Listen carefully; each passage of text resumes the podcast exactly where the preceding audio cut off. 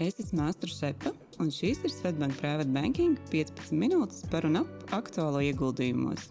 Katru piekdienu kopā ar kolēģiem un arī viesiem apspriedīsim karstākos jaunumus finanšu tirgos un labklājības veidošanas tēmās, lai aizraujoši klausīšanās.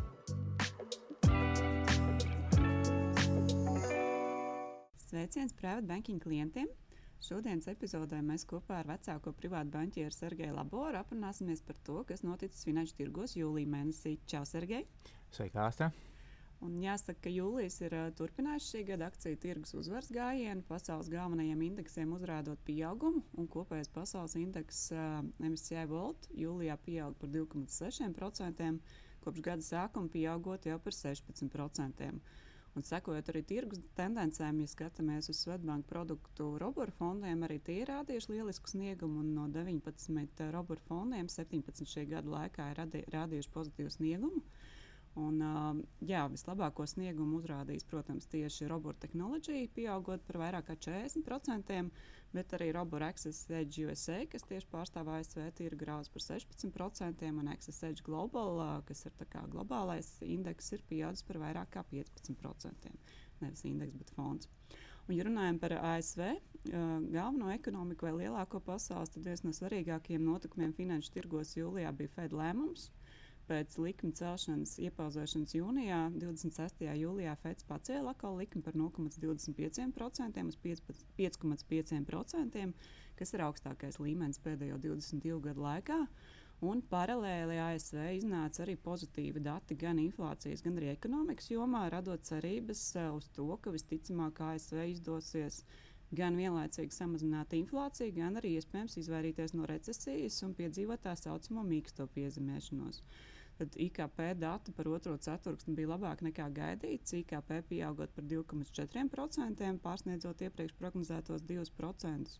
Bezdarbnieku pabalstu pieteikumu skaits uz jūlija vidu samazinājās līdz uh, zemākiem līmenim kopš māja vidus. Un 1. augustā iznāca arī dati par to, ka kopējais šis kā, privātā sektora biznesa noskaņojums Composite PMI, kas norāda jā, uz kopējo noskaņojumu biznesā, jūlijā samazinājās uz 52 no 53,2, joprojām saglabājoties pozitīvajā teritorijā. Un, jā, kā jau minēju, ka ļoti svarīgi un pozitīvi, ka par spīti šiem labajiem ekonomikas datiem inflācijas temps samazinājās, jeb tika piedzīvot tā saucamā disinflācija ASV.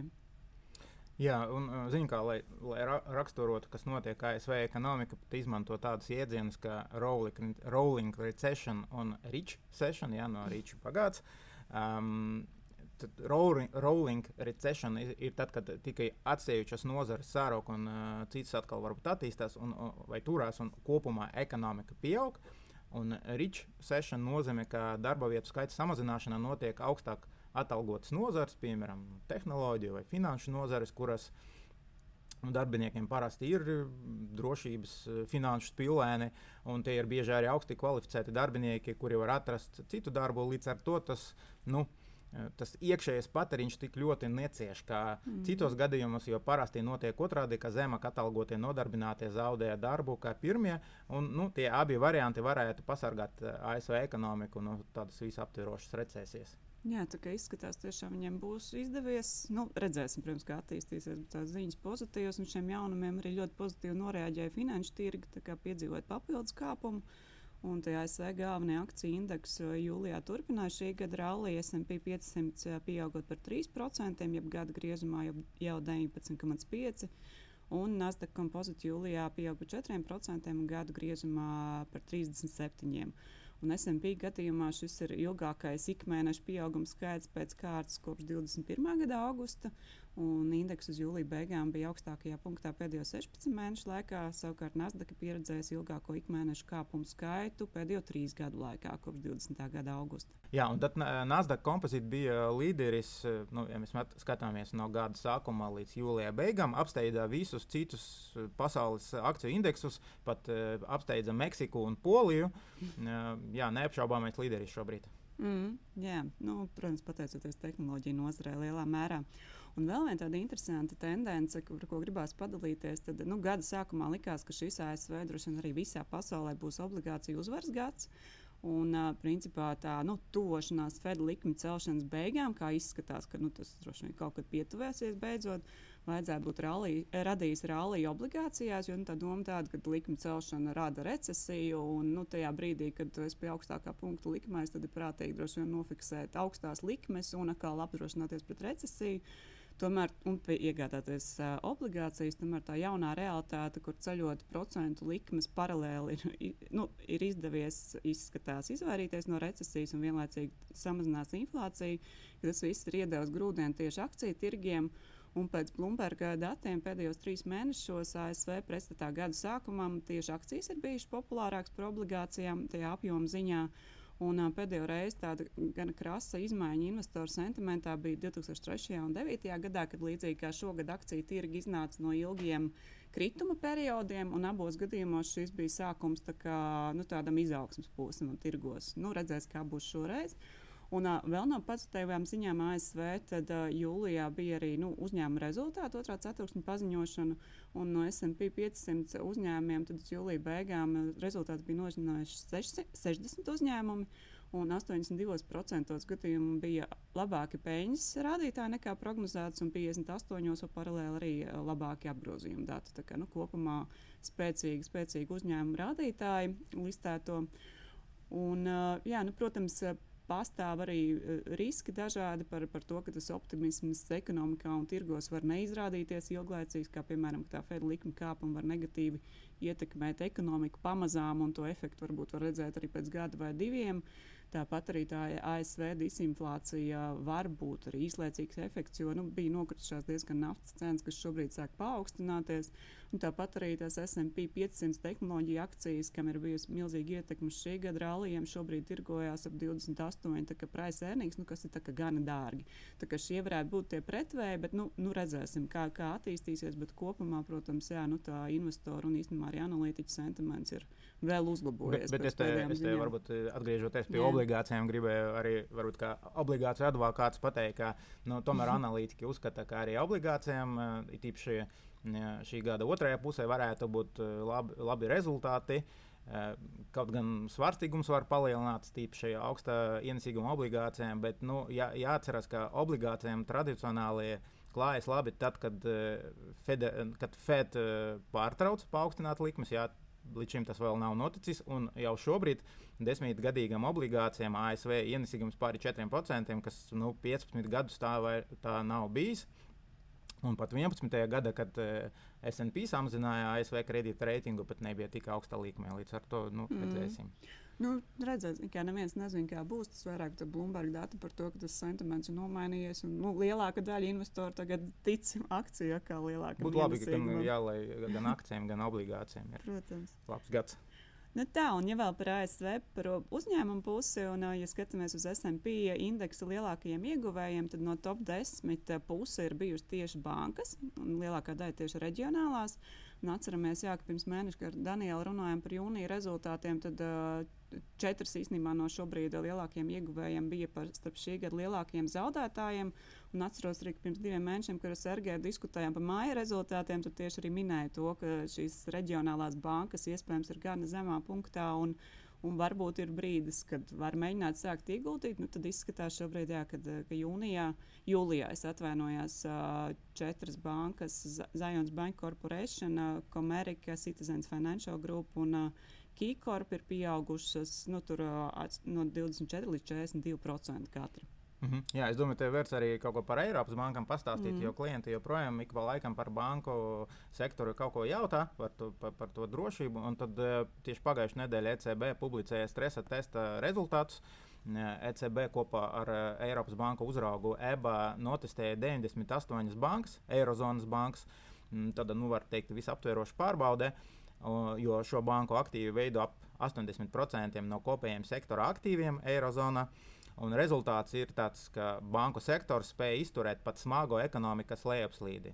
Jā, nu, ja mhm. kādam interesē, tad rādītājs C1 eh, samazinātos no 15 līdz 10,4%. Tas ir bankas kapitāls pret bankas aktīviem, eh, kas joprojām ir krietni virs minimālajām prasībām, kas ir 4,5% šobrīd. Un pie tam šoreiz nosacījumi bija daudz stingrākie. Tas ieprogrammēts strauji IKP kritums, noturīga inflācija, pat stagflācija un zemi patēriņa un investīciju apjomi. Un tikai trīs bankas eh, šāda scenārijā gadījumā nespētu izpildīt piemērojamas kapitāla prasības. ECB, protams, neatklāja, kas tas par bankām. Es tā pameklēju internetā, vai, vai kāds nav mēģinājis atklāt šo, un kuras bankas tas ir. Mm, atrādu tikai, ka tas varētu būt bankas, kas atrodas Francijā, Vācijā, Grieķijā vai Itālijā. Nu, no Baltijas nav. Jā, labi, ka nav ne Baltija, ne Zviedrija nav minēta. Jā, un, nu, kā jau minēju, arī, arī ASV bankas ir ieguvēji. Ja skatāmies arī to pašu SP indeksu nozaru griezumā, tad starp top 3 interesanti, ka jūlijā nav tehnoloģija nozara, un tur arī analītiķi saka, ka izskatās, ka tā izaugsme tirgu ir šobrīd jau tāds spillover efekts vai pārgājis arī uz citām nozarēm. Tad top 3 ir uh, enerģija, komunikācijas un tieši finanšu sektors.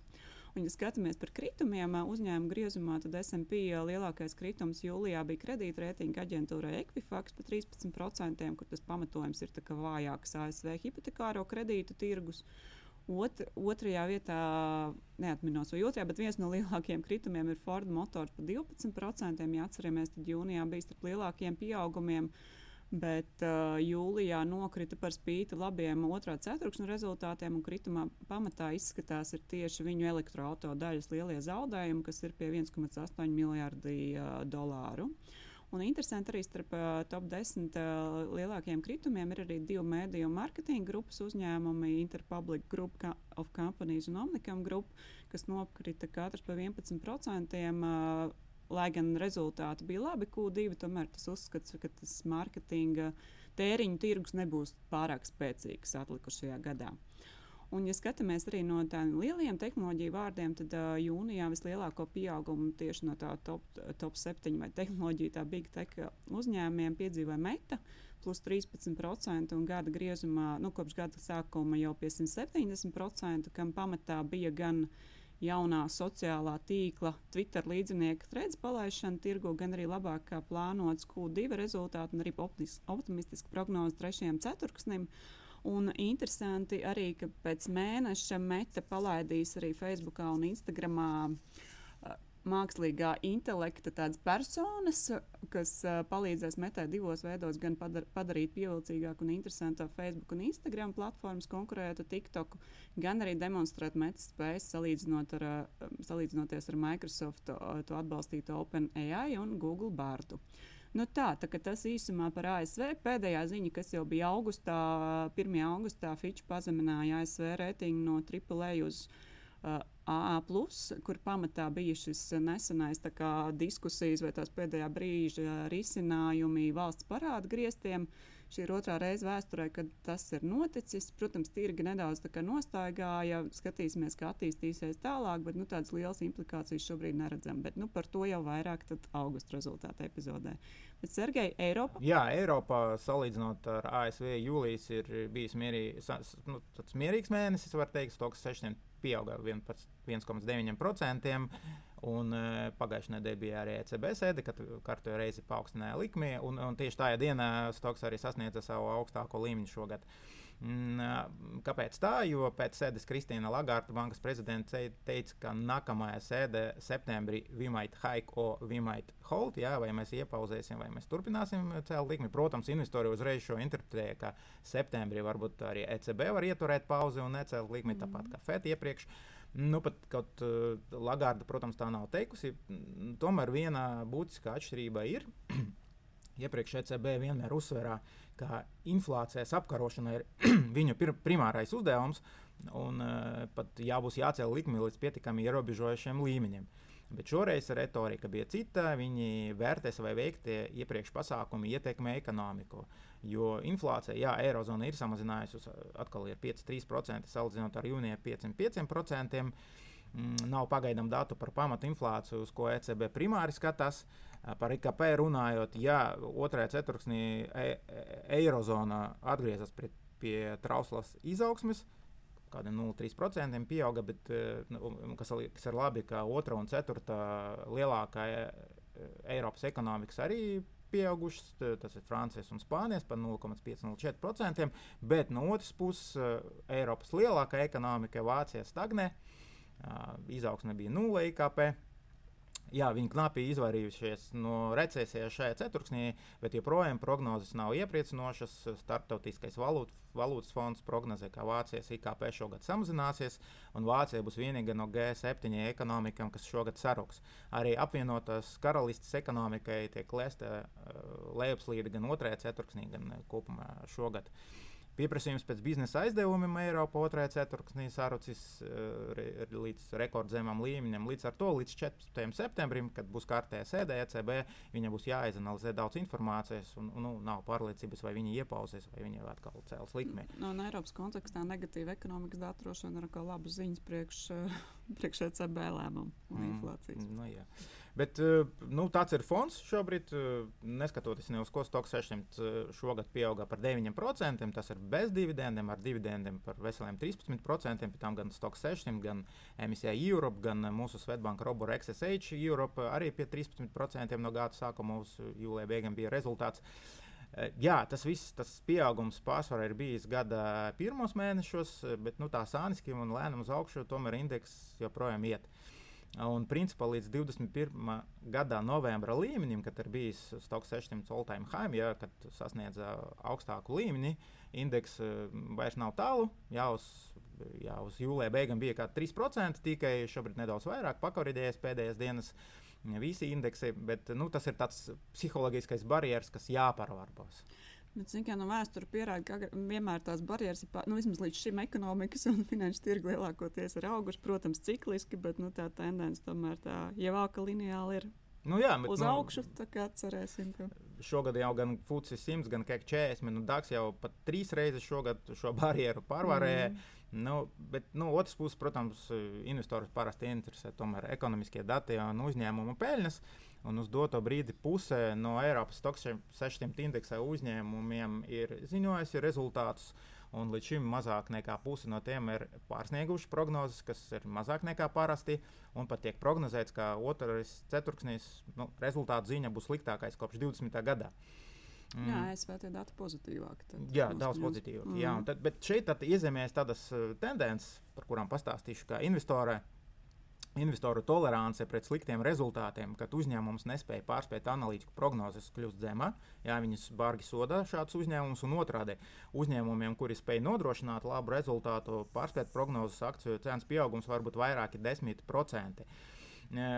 Rodas jautājums, protams, kad, kad, kad, kad tas bija citādāk, bet tas ir par to atkal, ka nu, šis gads bija jābūt obligāciju gadam. Uh, Mm, bet tā kā cik recesija visu laiku tiek pārcelta, tad interese investoriem par eh, akcijām joprojām ir ļoti augsta. Mm. Un, eh, jā, un tad vēl viena tendence, ka, protams, eh, tagad investori gatavi pirkt akcijas, kuras piedzīvojušas lielu cenas kritumu iepriekš par 50 un vairāk 70, 80%. Jā, visas akcijas, par kurām es tagad runāšu, tad, nu, principā, gandrīz visas, izņemot pāris, piedzīvoja tādu cenas kritumu. Uh, Vācija ieguvēja ir Zalando. Plus 19% jūlijā. Tepat nav stāsts par, par Zelandu kā tādu, bet par konkurentu About You, jo About You bija ļoti labi mm. rezultāti. Un tad uh, investori cer arī, ka Zelanda būs labi rezultāti, jo nozares uzņēmumi maina fokusu no izaugsmes uz rentabilitāti. Otrajā vietā ir Vanovija, plus 18%. Iepriekš daudz runājām par šo. Uh, Jā, interesanti, ka jūlijā vidū Deutsche Bank analītiķi izteica ieteikumu pirkt akcijas, jo uzskata, ka nekustamā īpašuma cenas tik ļoti vairs nesamazināsies. Nu, interesants viedoklis. Uh, un Vācija joprojām ļoti pieaug īres maksas, ja, kas ir vanāvies pamat biznesa, viņi izdara dzīvokļus. Un atkal akcijas kritums iepriekš bija vairāk kā 70%. Vācijā zaudētāji ir autoražotāji.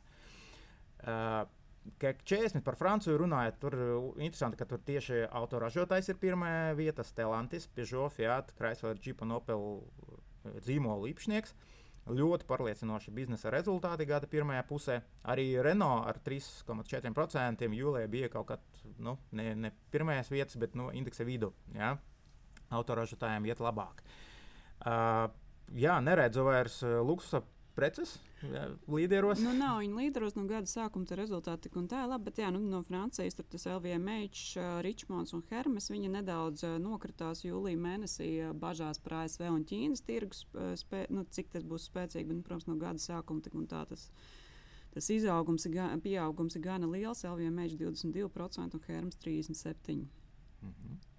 Nu jā, pat, tad, pat, paturpinot par FUCI 100, tie tur līderi bija Okado, kas reportēja labus rezultātus, un dzīvoja ražotājs Rolls Royce, kas uzlabojas prognozes šogad. Uh, atkal nu, teiksim, uzņēmumi ar labiem rezultātiem. Un Stoks 600 līderi ir tas pats Okada, par kuru jūs iepriekš jau, man liekas, jā, mēnesis atpakaļ. Viņš arī bija lielākais ieguvējs mēneša griezumā Stoks 600. Tas bija, jā, atgādināšu, e-komercijas uzņēmums, kas nodrošina risinājumus es ne, nevis e-komercijas, bet IT uzņēmumu grupu, kas nodrošina risinājumus pārtikas e-komercijas uzņēmumiem, pagājušajā mēnesī jau pieauga par 54%, un analītiķi prognozēja to gan lielu izaugsmu. Nu, tā arī jūlijā ir turpinājies. Es saprotu, ka pamatā dēļ labiem rezultātu paziņojumiem.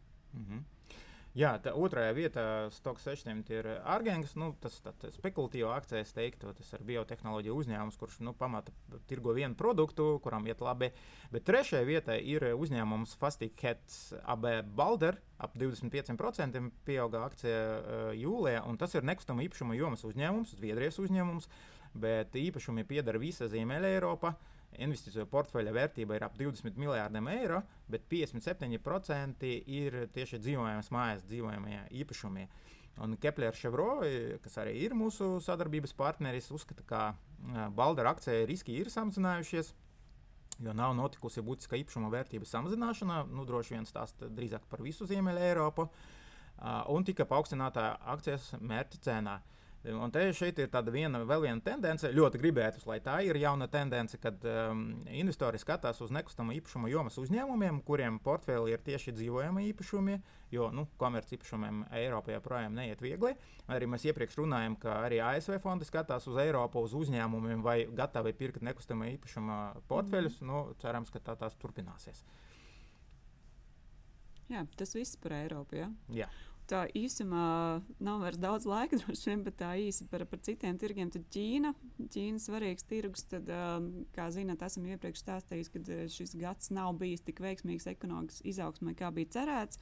Tad no jūlijā pozitīvas ziņas beidzot sagaidīja arī Ķīnas akciju tirgi.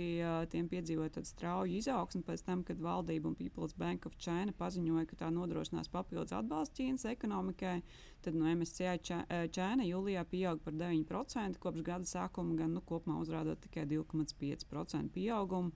Investori cer, protams, ka šis paziņojums varētu būt signāls tālākai Ķīnas tā ekonomikas un tirgu izaugsmai. Un Japāna?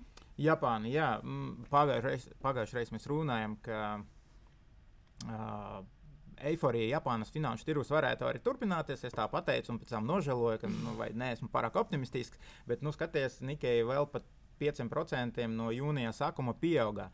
Jūlijā gan pakarīdējies uz leju par pusotru procentu, nu, tas ir bez dividendiem. Bet joprojām var teikt, ka noskaņojums ir drīzāk labs, jo vāja jēna paliec eksportējošiem uzņēmumiem. Jā, pārdot vairāk. Piemēram, Toyota noreportēja ceturkšņa rezultātus. Viņi gada laikā gandrīz dubultoja peļņu. Tagad Toyota ir pelnošākais autoražotājs pasaulē, apsteidzā arī Tesla, par kuru mēs mm. regulāri runājam. Arī citi ra ra raž autoražotāji reportēja labus rezultātus, Mitsubishi piemēram. Uh, un vēl kas ir svarīgi, ka neskatoties uz to, ka inflācija Japānā joprojām pieaug, Japānas centrāla banka nesteidzas izbeigt savu atbalstošu, stimulējušu monetāro politiku, kā reiz bija lēmums arī pagājušajā nedēļā attiecīgs.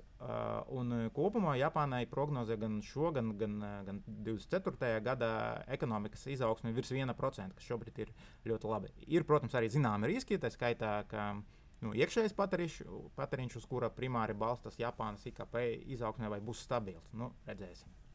Labi. Paldies, paldies Sergei, par, par interesantu izklāstu par Japānu. Sekosim līdzi arī tālākajiem notikumiem finanšu tirgos un uh, uz tikšanos nākamajā epizodē. Jā, paldies tev! Atā. Audio saturā dzirdētā informācija nav uzskatāms par ieguldījumu konsultāciju vai ieteikumu slēgt finanšu tirgus darījumus vai ieguldīt finanšu instrumentos. Paldies, ka klausījāties! Lai izdevusies diena un uz tikšanos nākamajā sarunā!